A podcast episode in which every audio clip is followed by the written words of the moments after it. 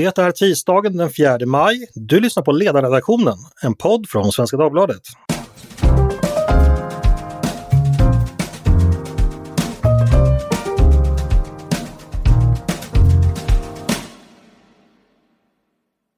Varmt välkomna! Jag heter Andreas Eriksson.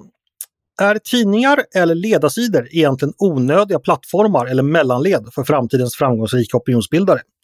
Kan de tvärtom vara ett hinder för att nå ut med sina åsikter? Hela genren ledarsida har den börjat stagnera och är det dags för en annan typ av opinionsjournalistik att ta över? För att fundera på de här frågorna har jag med mig min tidigare kollega Ivar Arpi, eh, som är som före detta medarbetare på Svenska Dagbladets ledarsida och sedan igår skribent och poddare på sin egen plattform som heter En rak höger. Välkommen hit Ivar igen!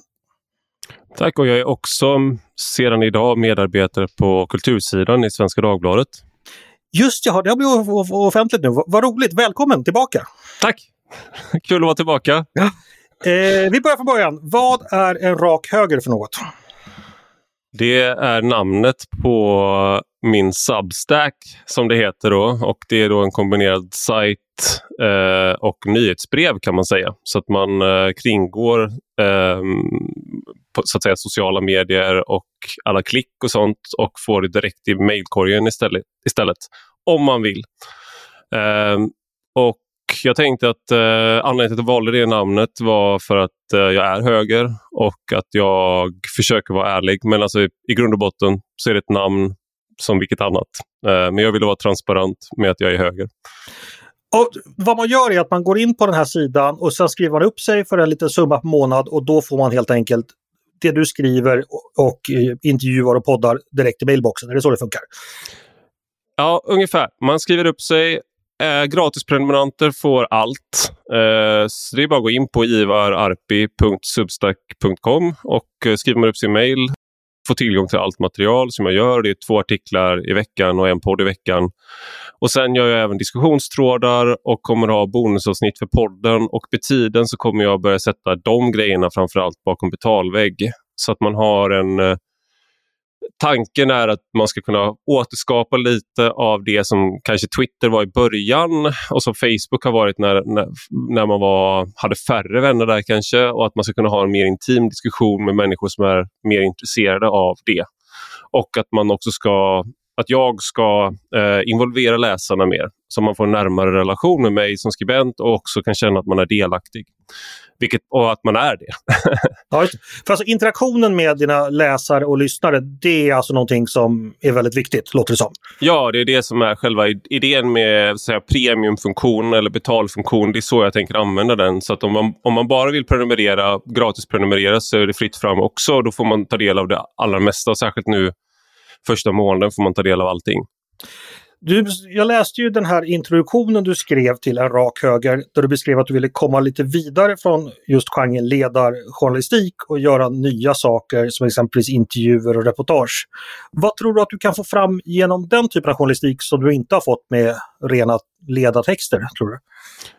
Det är ett väldigt enkelt svar på den frågan och det är att öppna en eh, tidning och kolla på hur olika artiklar ser ut och hur de påverkar den och mäta det i sig själv.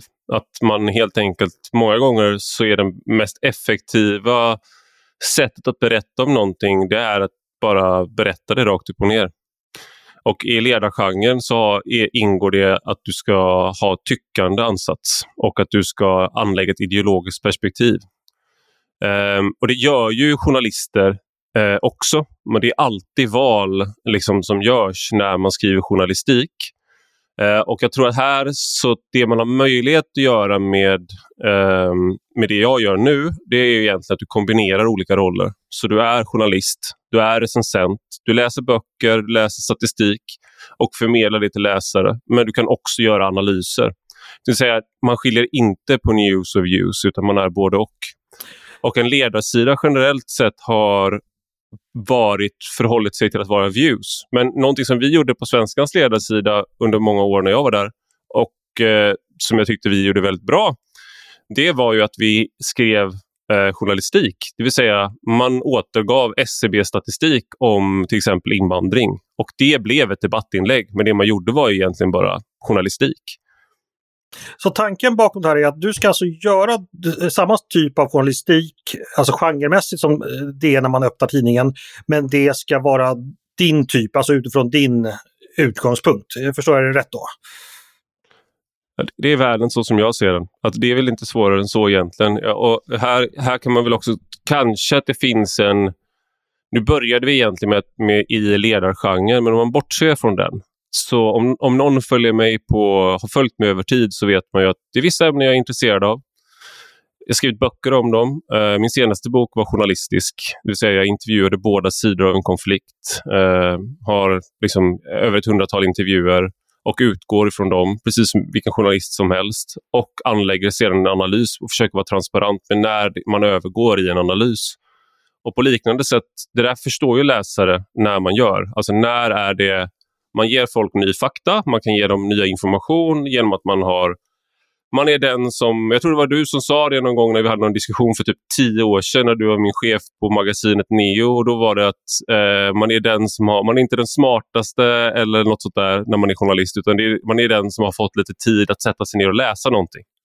Har jag och sagt någonting sånt? Det... Ja, det var, det, det var så du sa. Det, det, det, har, det var väldigt klokt för det där tror jag väldigt mycket på att man är så att säga, som the designated driver ungefär. Man mm. är the designated reader av ny information som man sen förmedlar och för en konversation med sina läsare om. Uh, och sen ger man sitt perspektiv och sen vill jag höra läsarnas perspektiv. Men om man då går in på eh, en rak höger i framtiden och får ditt perspektiv, hur tror du att det kommer skilja sig från exempelvis rapporteringen i Ta Svenska Dagbladet exempelvis? Uh, det vet jag inte. Det är väl, eh, på, på, den frågan är ju som att jäm, du jämför liksom, hur skiljer sig Laholm från USA. Alltså jag är en person, eh, så att jag, det kommer skilja sig jättemycket. Men det är väl snarare så att jag, jag kan eh, eh välja detaljer som jag tycker är intressanta och som mina läsare tycker är intressanta eh, och fördjupa mig i dem. Och att det finns ett annat läsarlöfte mellan mig som när jag är ensam och driver en sajt och ett nyhetsbrev då, eh, än om du, om du skriver i SvD. Så att säga, I söndags var det partiledardebatt. Alla ledarsidor har någon typ av lä läsarlöfte att de ska kommentera det. Det är inte säkert att jag behöver ha det. Däremot kan det vara så att det finns någon del av den debatten där alla förväntar sig att jag ska kommentera för att det är det jag brukar göra. Eh, så det, det, det utveckling man har möjlighet att göra med den här typen av satsningar och den här typen av saker, det är ju att bli mer nischad och bli mer specialiserad eh, och att ha en, eh, ha en mer så att säga unik röst. Den ska jag säga att jag inte, jag har precis påbörjat den resan eller vad man ska kalla det. Så att, eh, hur, hur jävla unik jag, jag blir, det får vi väl se. Men eh, jag ser fram emot att eh, utvecklas med det här och se, se vad, det, vad det för mig det var det jag tänkte fråga också. Om vi går en bit fram i tiden när du har fått rull på det här. Hur skulle du säga att en optimal vecka på en rak höger ser ut? Vad är det för typ av innehåll man kommer möta då? Om det går som du, som du tänker dig just nu. Ja, det, vet, det är en väldigt, väldigt svår fråga att svara på. Det jag har eh, velat göra, det jag har velat göra väldigt lång tid, det är väl att ha en mer berättande ansats och kunna gå djupare i olika frågor som jag tycker är intressanta. Och där är det väl ingen hemlighet om att jag har profilerat mig inom så här, invandring, integration, lag och ordning och den typen av frågor. Men eh, mm, får vi väl se om det blir så. Sen har jag ju eh, att jag har podd, podden som en del av det är viktigt för mig också för att jag tror väldigt mycket på eh, samtal även med meningsmotståndare och det är någonting som jag har velat ägna mig åt under lång tid. Sen på min förra arbetsplats, inte SvD, så uh, hann jag inte göra så många poddavsnitt innan jag blev chefredaktör. Och, uh, så att det hann inte göra det jag egentligen var anställd för att göra från början. Uh, särskilt mycket. Så det, nu kan jag gör, göra det och utan att ha uh, några knepiga majoritetsägare eller överrockar. Inga, inga nämnda, inga glömda. Inga som mutar dig? som någon jävla diktator. Nej, precis. Men du, eh, ekonomiskt... Det, kom, det, sista, det sista man hör i podden kommer inte vara att jag skriker osammanhängande, det kan jag lova. Vad, vad ser du framför dig ekonomiskt? Ska det här vara någonting som är din huvudsakliga försörjning och vad kommer det krävas i form av antal betalande läsare då, tror du? Det återstår att se om, eh, om man klarar det. Eh, jag har haft en väldigt bra tillströmning av prenumeranter och eh, det är väldigt roligt. Eh, så ja, det här är min huvudsakliga försörjning och jag prövar det nu. Jag är ju... När jag sa upp mig från Bulletin eh, så fick jag mitt första jobberbjudande en halvtimme efter att jag skrev på Facebook ungefär. Eh, och Det säger jag inte för att skryta, utan det, det säger jag för att eh, där vi befinner oss i mediebranschen nu, jag fick andra också och började, började jag tänka på vad det egentligen är man erbjuder. Så att Tidningar idag kollar inte längre särskilt mycket på hur många klick man får. Man kollar på hur många nya prenumeranter man får på artiklar. Hur många är beredda att betala för journalistiken med den här artikeln. Eh, och där, bara som en liten sidopass har man vet jag att på, har jag hört från Expressen att eh, artiklarna om Bulletin, eh, om konflikten där, har inte varit så välklickade. Men det har lett till väldigt många nya betalande prenumeranter. Så därför har de varit framgångsrika. Och det är så där man mäter framgång just nu. För att det som har hänt i mediebranschen är att den gamla intäktsmodellen, att man annonserar i papperstidningar, det var väldigt lönsamt. Men den modellen eh, funkar inte längre och den funkar inte på webben längre. Eh, så att säga, annonsintäkterna har i princip försvunnit från tidningsvärlden. Så du måste få in betalande prenumeranter. Så de, alla tidningar just nu försöker att få människor att betala för journalistiken de gör. Och det, de erbjudandena jag fick var ju då att kan du göra det här för oss eh, och sen sätter vi dig bakom betalvägg. Mm. Och då, varför ska man då sätta sig själv bakom någon annans betalvägg? På Substack då, då är det min egen betalvägg. Och då är det jag som har direktkontakt med läsarna. Så det är liksom, då, är det faktiskt, då är det jag som styr det där. Men om jag sätter mig bakom eh, en annan tidningsbetalvägg eh, Eh, då, är det ju, då är det någon annan som tjänar pengar på det. Och Det enda sättet som du då kan egentligen skala upp dig, dig själv det är genom att skriva mer, göra fler poddar, producera mer. Eh, och här är ju någonting som har skett i USA då jag, började prata med människor jag kände runt om och då insåg jag att eh, det är någonting som har hänt och det är att nyhetsbrev plötsligt har blivit stora igen. Och anledningen är att man använder framför, eh, liksom man använder inte mejl längre som ett sätt att kommunicera internt på företag utan man använder chatttjänster, kontorslösningar, Slack till exempel använder man ofta. Så att mejlkorgar plötsligt är ganska tomma och det här har accelererat under pandemin och det här har lett till att eh, många amerikanska och brittiska tidningar plötsligt har märkt att deras nyhetsbrev är ex extremt mycket mer lukrativa än vad de var innan och man har lagt ner mycket mer energi på det. Och man tar betalt för dem alltså också? Nej, inte alltid. Utan eh, det man gör är att du...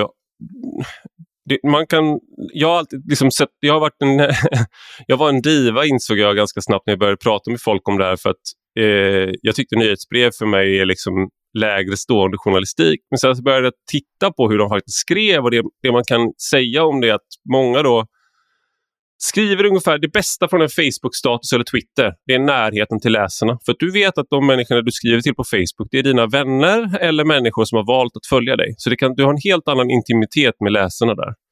Eh, sen så ser man liksom ner på den typen av eh, journalistik om man vill kalla det det det man kan göra med ett nyhetsbrev är att ta det bästa från den intimiteten och kombinera det med vanlig journalistik.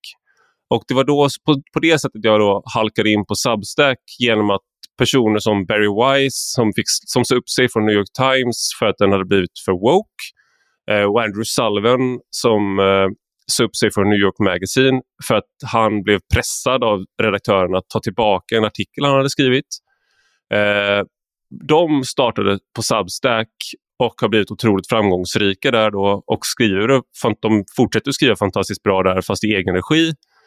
Um, så jag kollade på hur de hade gjort. Uh, och någonting som då, som är, när du frågar om jag kommer kunna försörja mig på det här.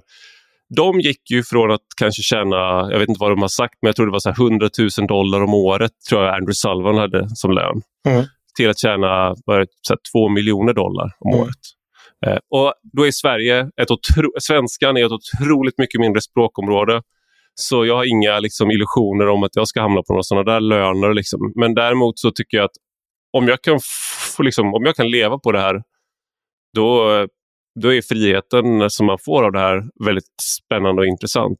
Men det du säger om betalningsviljan, bara så jag förstår. Vad man betalar för då, det är så att säga att få ditt perspektiv på världen och tillgång till liksom när du tar dig an världen. Alltså det är därför personen blir viktig. Är, är det, förstår jag det rätt då?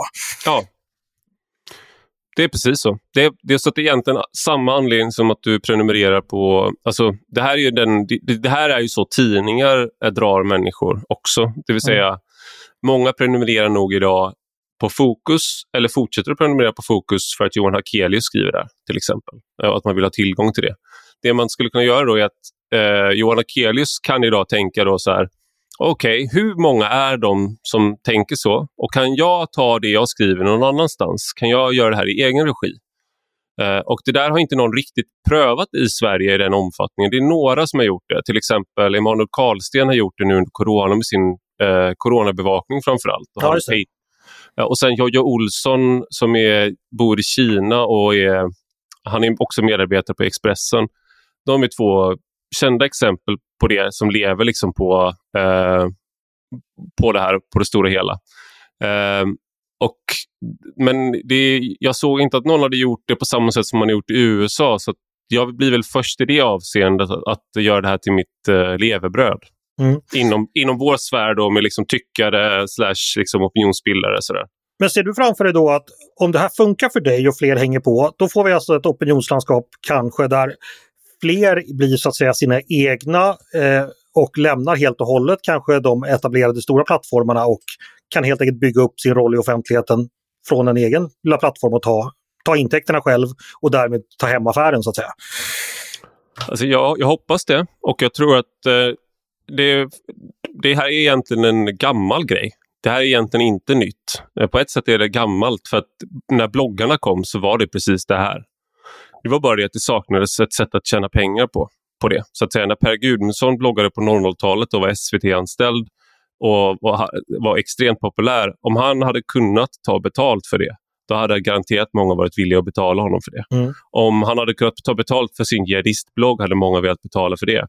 Eh, eller Johan Ingerös blogg eh, en gång i tiden, eller Accessbloggen. Om, om, den hade, om Johan Lundberg när han slutade på Access, om han hade kunnat eh, hoppa över till Substack 2011 eller vad det var, 2012 eh, och ta med sina läsare dit direkt så hade han ju liksom det hade fått med otroligt många läsare. För vad som hände på, alltså om du tar 00-talets stora bloggare, många av dem fick ju sen anställning som skribenter och skrev sen på de stora plattformarna. Så att det Exakt. var mycket anledning till att bloggosfären tappade, att man, man plockade upp alla talanger därifrån helt enkelt. Ja, eh... precis. Och, och eh, nu tror jag att vi har nått en, eh, en annan nivå helt enkelt. Att, eh, vi, så att bloggarna var före sin tid i den självständigheten. Nu är den möjligheten här och jag tror att många kommer ta den. Sen så ska jag väl säga då om man ska vara så här kritisk på något sätt mot det egna så tror jag att snarare att man kommer behöva eh, jag tror inte att vi har nått den optimala betalningslösningen. Alltså, journalistik och det skrivna ordet, vi ligger ju långt, långt efter eh, musikbranschen eller filmbranschen, tv-seriebranschen. Det finns, finns ju inget Netflix för det skrivna ordet, utan det är som ett iTunes alltihop. Så du måste köpa alla enskilda låtar. Eh, och det är inte det. Folk valde Spotify, de valde inte iTunes. Det, är liksom, det var ett test där och Spotify vann. Men i mediebranschen så är vi fortfarande kvar i att du måste liksom prenumerera på massa olika tidningar, massa olika skribenter och sånt där. Men med det sagt, då, jag vill bara säga det en gång till att det mesta kommer att vara eh, gratis på, på min eh, Substack. Och eh, den som vill betala kostar det eh, 5 euro i månaden eller 50 euro om året. Så att det är liksom inga gigantiska summor så sett heller. Det finns ju en kritik. Eh, vi har ju funnits en debatt, eller debatt, diskussion kring vad som kallas då Swish-journalister, alltså de som har tagit betalt direkt av sina läsare. En ganska eh, vad ska man säga, ned, nedlåtande debatt där man har ansett att man som journalist som tar betalt direkt från sina läsare blir beroende av intäkterna på ett sätt som inte är sunt, vilket påverkar det man gör, att man liksom hemfaller åt en viss typ av rapportering som läsarna vill ha. Ropar läsarna efter blod så kommer man visa blod. Eh, köper du den, känner du igen den kritiken? Köper du den? Eller tror du att det finns något annat bakom här egentligen? Uh, Jag tror att det handlar om att de som har varit först med det här har varit höger eller har varit eh, eh, liksom tillhört vad ska man säga, eh, SD-sfären eller eh, har varit invandringskritiska och liknande. Och därför så har man sett ner på hela betalningsmodellen. Jag är helt övertygad om ifall de första hade varit vänster och hade skrivit om klassfrågor och liknande så hade man sett det här som ett subversivt, folkligt och allt det där och det hade varit positivt istället. Eh, jag köper inte det där för att jag vet, eftersom jag suttit på mediehus eh, och jag vet hur alla de här mätinstrumenten fungerar och hur extremt noggrant tidningarna kollar på det här och hur återkopplingen ser ut eh, Eh, till, liksom, till skribenterna. Du har all information om hur länge folk läser dina texter, hur många de är, hur många som blir prenumeranter. Vi har topplistor på stora skärmar på alla stora tidningar i Sverige. Alltså det, det är trams alla styrs av det här och det, om man inte gjorde det, om du inte er läsare liksom har någon, inte bryr dig om vad läsarna vill ha och vad de är intresserade av, vad är det du håller på med då? Alltså det, det är liksom, det är en absurd debatt egentligen. Det är samma som, det speglar lite det här hur ordet populism ibland används väldigt felaktigt enligt mig. Att man ger folk vad de vill ha. Ja, hur tror du demokrati fungerar? Det är klart att om, om läsare tycker att någonting är intressant och du får den återkopplingen, varför är det ett problem?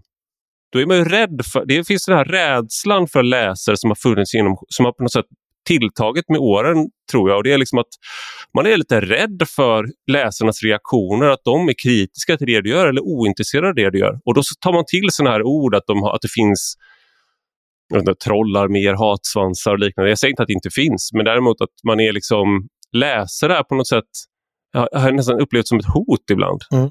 Jo, men det skrev du också om i din programförklaring och det kan jag känna igen. Jag har också blivit förundrad och ibland förfasad över hur många etablerade journalister, inte minst sociala medier, beskriver läsarreaktioner. De är ju oftast lyfts ju fram oftast som någonting som bara besvärar en och, och så vidare. Men en annan sak till fråga, de som kommer aktualiseras av det här tror jag, det är den här gamla frågan vem som är journalist och ska ha de privilegier som trots allt ibland följer med att man är journalist. Jag antar att du kommer betrakta din verksamhet som journalistisk, även om du säger att det kommer blandas upp i annat. Eh, kommer folk ifrågasätta att du är journalist tror du? Och vad kommer du i så fall säga då? Eller gör det någonting? Nej, de får gärna ifrågasätta. Det, I grunden, det, det, är inte en, det är inte som läkare. Alltså det, det är väl ingen som tror att en journalist har någon sån här kompetens som en kirurg. Alltså det, det, är en sak att du, att du inte vill att vem som helst ska kunna operera din hjärna om du ligger liksom under skalpellen och att det är en skyddad yrkestitel. Journalist är inte en skyddad yrkestitel i det avseendet. De, många av de bästa journalisterna har inte ens gått Journalisthögskolan. Det är en ganska ny uppfinning att man ska liksom gå en särskild yrkesutbildning för att bli journalist. Det är ett gäng arbetsmetoder och en etik.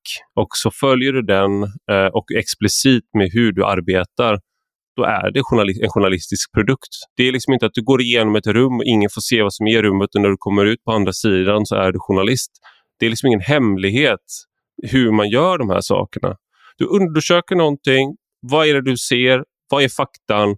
Och sen så kommer någon och säger att ah, nej, men det här ser gediget ut. Jag tycker att du har vissa brister när du kollar på den här delen. Jag tyckte du borde tagit upp mer av det här. Det, det, är så det sker med all journalistik. Det är ingen skillnad mot om du är, liksom, kommer från, om du, varifrån du kommer, eh, om du har gått en universitetsutbildning eller om du kommer någon annanstans ifrån. Kommer en rak höger eh, ansluta sig till det pressetiska systemet?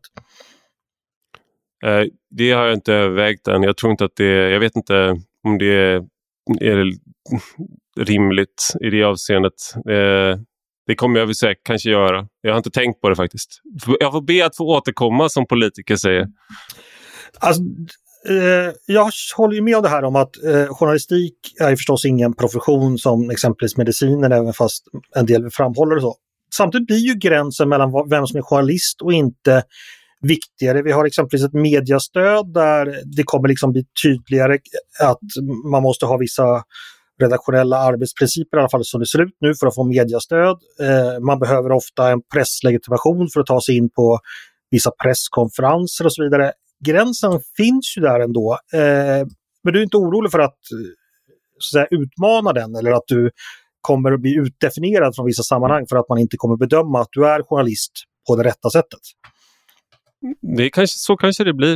Uh, men jag tror att det säger någonting också om att vi befinner oss i ett sammanhang där vi liksom var där, där man diskuterar väldigt mycket. Vad är sant, eh, vad är falskt, vad är fake news och allt det där? Och att man då det blir väldigt mycket viktigare med de här gatekeeping-funktionerna samtidigt som många eh, helt uppenbart ser att det inte finns. Liksom, SVT och SR har en, eh, en bias till exempel. Inte alla enskilda journalister, men att man har liksom man kan se en, en vridning och att man väljer vissa perspektiv.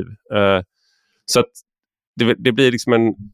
Så att samtidigt som många kan se det där för att man har till, vi har mer tillgång till mycket information och bra information idag och eh, alltså coronahanteringen har varit ett bra exempel där Sverige har gått en helt egen väg eh, och man samtidigt ser att experter någon annanstans säger något helt annat men våra experter säger någonting. Okej, okay, men så vad är expertis? Det är något liknande med journalistiken här. Att eh, men, men så samtidigt som vi har tillgång till mycket information, då blir paradoxalt nog blir de här gatekeeping-funktionerna ännu viktigare för att man då ska liksom kunna garantera att man får den rätta sortens information. Eh, och jag tror, att, jag tror inte att jag... Eh, jag, kö, jag, köper inte att eh, man måste ha, liksom, ha presslägg för att kunna göra en rimlig intervju. Jag tror att i grund och botten handlar det om tillit. Det vill säga, om folk tycker att jag gör ett bra jobb här, om folk har förtroende för det jag gör, då fortsätter man att ha det förtroendet. Och det är, egentligen är det ju det som tidningarnas förtroende bygger på, inte huruvida de är anslutna till något system eller inte. Jag tror säkert du kan stå utanför det pressetiska systemet eh, och ändå följa eh, etiska principer som gör att du upprätthåller samma förtroende. Sen kommer det med vissa sådana här du, det finns vissa saker som följer med att du ansluter dig och sånt där. Men jag menar, det, i grund och botten handlar det om att människor litar på att du, eh, att du eh, beter dig på ett sånt sätt att du förtjänar förtroende. Mm. Det, det du beskriver här med att vi har en komplex värld med konkurrerande sanningsanspråk och expertisanspråk. Är det vad, ska man säga, finns det en roll att gå in i här som så att säga någon form av konsult för människor. Att, liksom, att du ska agera som människors förlängda omdöme ut i offentligheten. Att jag har inte tid att ta reda på allting, vad som är sant eller inte, men jag kan ta Ivar Arpi som jag litar på och har förtroende för. Han får gå ut där ute och komma in med dagens viktigaste händelse till mig. Är det någon typ av den roll du är ute efter, att, som du tror att du skulle kunna sälja till människor? Förstår du vad jag ja, menar? Ja, absolut. Och det här var ju någonting som när jag gjorde research då efter att jag... För jag började jobba direkt med att kolla vad jag skulle göra härnäst. När jag sa upp mig, liksom, samma måndag jag sa upp mig i princip, eller dagen efter började jag med det. Och började prata med kontakter. Och en sak som, man, som flera sa, eh, som driver ett, liksom, nättidningar och mindre tidningar och sånt som jag känner, eh, det var att även då till exempel en tidning som Spectator som är liksom en höger, högertidning i eh, Storbritannien, att eh, mång, många använder eh, dem numera som den primära nyhetskällan. Och Det kan man såklart se som ett problem, men det kan också, man kan också se det som att då förändrar det uppgiften som de har på Spectator. Samma sak så såg jag någon, eh, det var någon Youtube-kommentar till eh, någon som hade blivit nedstängd på Youtube. Eh, så att, ah, det här var det enda sättet jag kunde stå ut med nyhetsskörden. Liksom. Så att jag tror att det är någonting som man ska ta med sig, att vi just på grund av den här informationsexplosionen som har skett så är vi i behov av uh, människor som kan berätta och gå igenom saker med en som man litar på. Det kan vara corona, det kan handla om, uh, det kan handla om invandringsfrågan, det kan handla om eh, ehm, vinster i välfärden eller vad som helst. Alltså det, men att man har vissa människor man litar på och man litar på deras omdöme. Och det är så som jag tror många av oss, eh, alltså många rör sig emot att tänka så. Eh, så jag, jag, jag, ser absolut att, det var ju lite det jag var inne på med det citatet av dig där, att det är så att man är liksom en, du är de andra läsarnas jämlike men du är den som är eh, som har satt dig in i den här saken, så förmedlar du det. Så det var alltså jag som för tio år sedan sådde fröet som nu blomstrar? Helt klart. Hur många procent får jag? Eh, från 0,0 gånger 0 upphöjt till 0. Fast hade du slutat med en etta där så kanske det kunde bli stora summor till slut. ja, exakt. Ja, eh, stort tack Ivar för att eh, du kom och berättade om det här. Jag tyck, eh, jo, en sista fråga. Eh, säg att det här går bra och att det här är framtiden och att det dyker upp fler röster från både höger och vänster. Vad lämnar det den, de etablerade tidningarna, eller de traditionella medierna? Kommer de, tror du, gå åt mer åt det här hållet och anställa sina egna Ivar Arpi och försöka i högre utsträckning eller kommer man tvärtom att gå åt, an, åt något annat håll, att bli avpersonaliserad så att säga? Eh, vad, vad, ser du någonting framför dig där? Mm, jag tror att det finns ett problem för vanliga journalister här. Uh, det vill säga, det, det finns en så märklig twist här och det är att uh, nischade intressen och nischade liksom, områden är de som går bäst på Substack skulle jag säga. Om man, efter att ha kollat på det. Typ uh, nyhetsbrev om bitcoin. Liksom. medan man på de stora tidningarna ofta har gjort sig av med eh, specialreportrar. Och det har då lett till att till exempel industri, en industriföretag går ihop och sponsrar ett nyhetsbrev som inte är riktat till allmänheten, men de behöver den informationen. Eh, och Det där gör ju att det finns en... Kan du hitta den nischen som enskild skribent, att du så att säga, okej, okay, du kommer inte nå 200 000 läsare, men du kommer nå 2000 läsare som är extremt intresserade och engagerade. Det, det, är, väl en, det är väl en sån eh, dubbelhet som finns här. Så är du en sån person som sitter på en tidning idag och har ett sånt intresse som du nog tror att du kan nå liksom 2, 3, 4 tusen människor som är väldigt intresserade. Ja, men då kanske det är värt att hoppa. Sen tror jag också att jag har, vi som är då inom tyckeriet så att säga och suttit i tv-rutor och debatterat och sånt. Många av oss har haft fördelen att ha fått fler följare i sociala medier eh, jämfört med om du är en nyhetsjournalist, för då är det storyn i sig ofta. Och där så kan det finnas ett problem för vissa journalister är, kan vara hur duktiga som helst och kompetenta och smarta, men de kanske inte är lika kända. Och det kan göra det svårt att göra reklam för, liksom när, om du skulle vilja försöka på egen hand. Stort tack Ivar, vår tid är ute. Tack för att du ville komma hit och berätta om dina nya äventyr. Tack, det var kul att vara med igen. Ja, vi, eh, går det bra för dig så ska vi förstås ta hit dig snart igen så får du berätta om hur det, ja, vidare framtidsspaningar. Går det dåligt för dig får du komma och berätta om vad som gick fel förstås. Hörni, eh, tack för att ni har lyssnat. Innan vi tackar för idag ska jag passa på att tipsa om vår grannpodd på Svenska Dagbladet. Den heter Dagens Story. Där får du på en kvart varje dag en fördjupning i ett aktuellt ämne. Eh, men just nu har ni lyssnat på ledarredaktionen. Eh, ni är varmt välkomna att höra av er till oss med tankar och synpunkter. Vi uppskattar precis som Ivar läsarkontakten. Eh, så det är bara att mejla till ledarsidan svd.se. Eh, dagens producent har varit Jesper Sandström. Själv heter jag Andreas Eriksson och jag hoppas att vi hörs snart igen. Hej då!